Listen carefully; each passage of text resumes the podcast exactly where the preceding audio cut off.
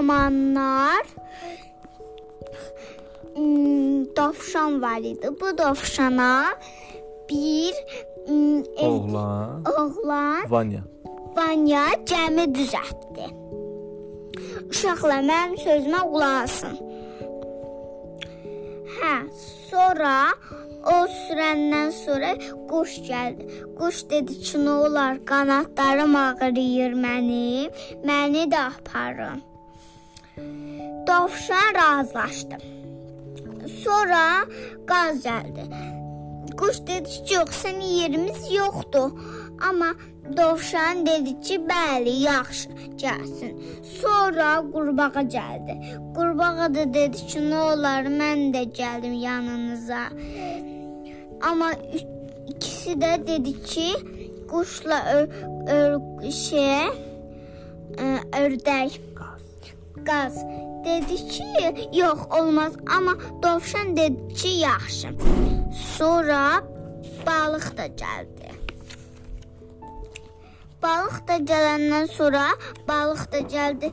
Axı balığın dilini eşitmək olmur uşaqlar. Balıq belə su içir, yüzür. E sonra sonra şey oldu.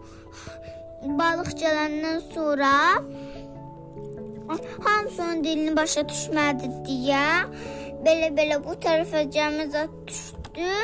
Yaxı uşaqlar gəmi çoxudur, gəmi batdı.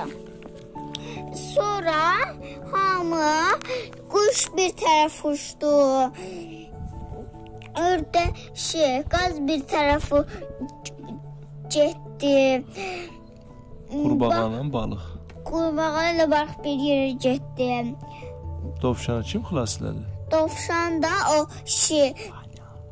Ha yo. Vanya mm, ona yeni gəmi düzəltdi. Demək Sara yükümüz artıq olanda Da. çox yük götürmək Olmaz. Uşaqlar lazım olmayan şeylər götürmək olmaz. qolumuz Məsəl- ağrıyar.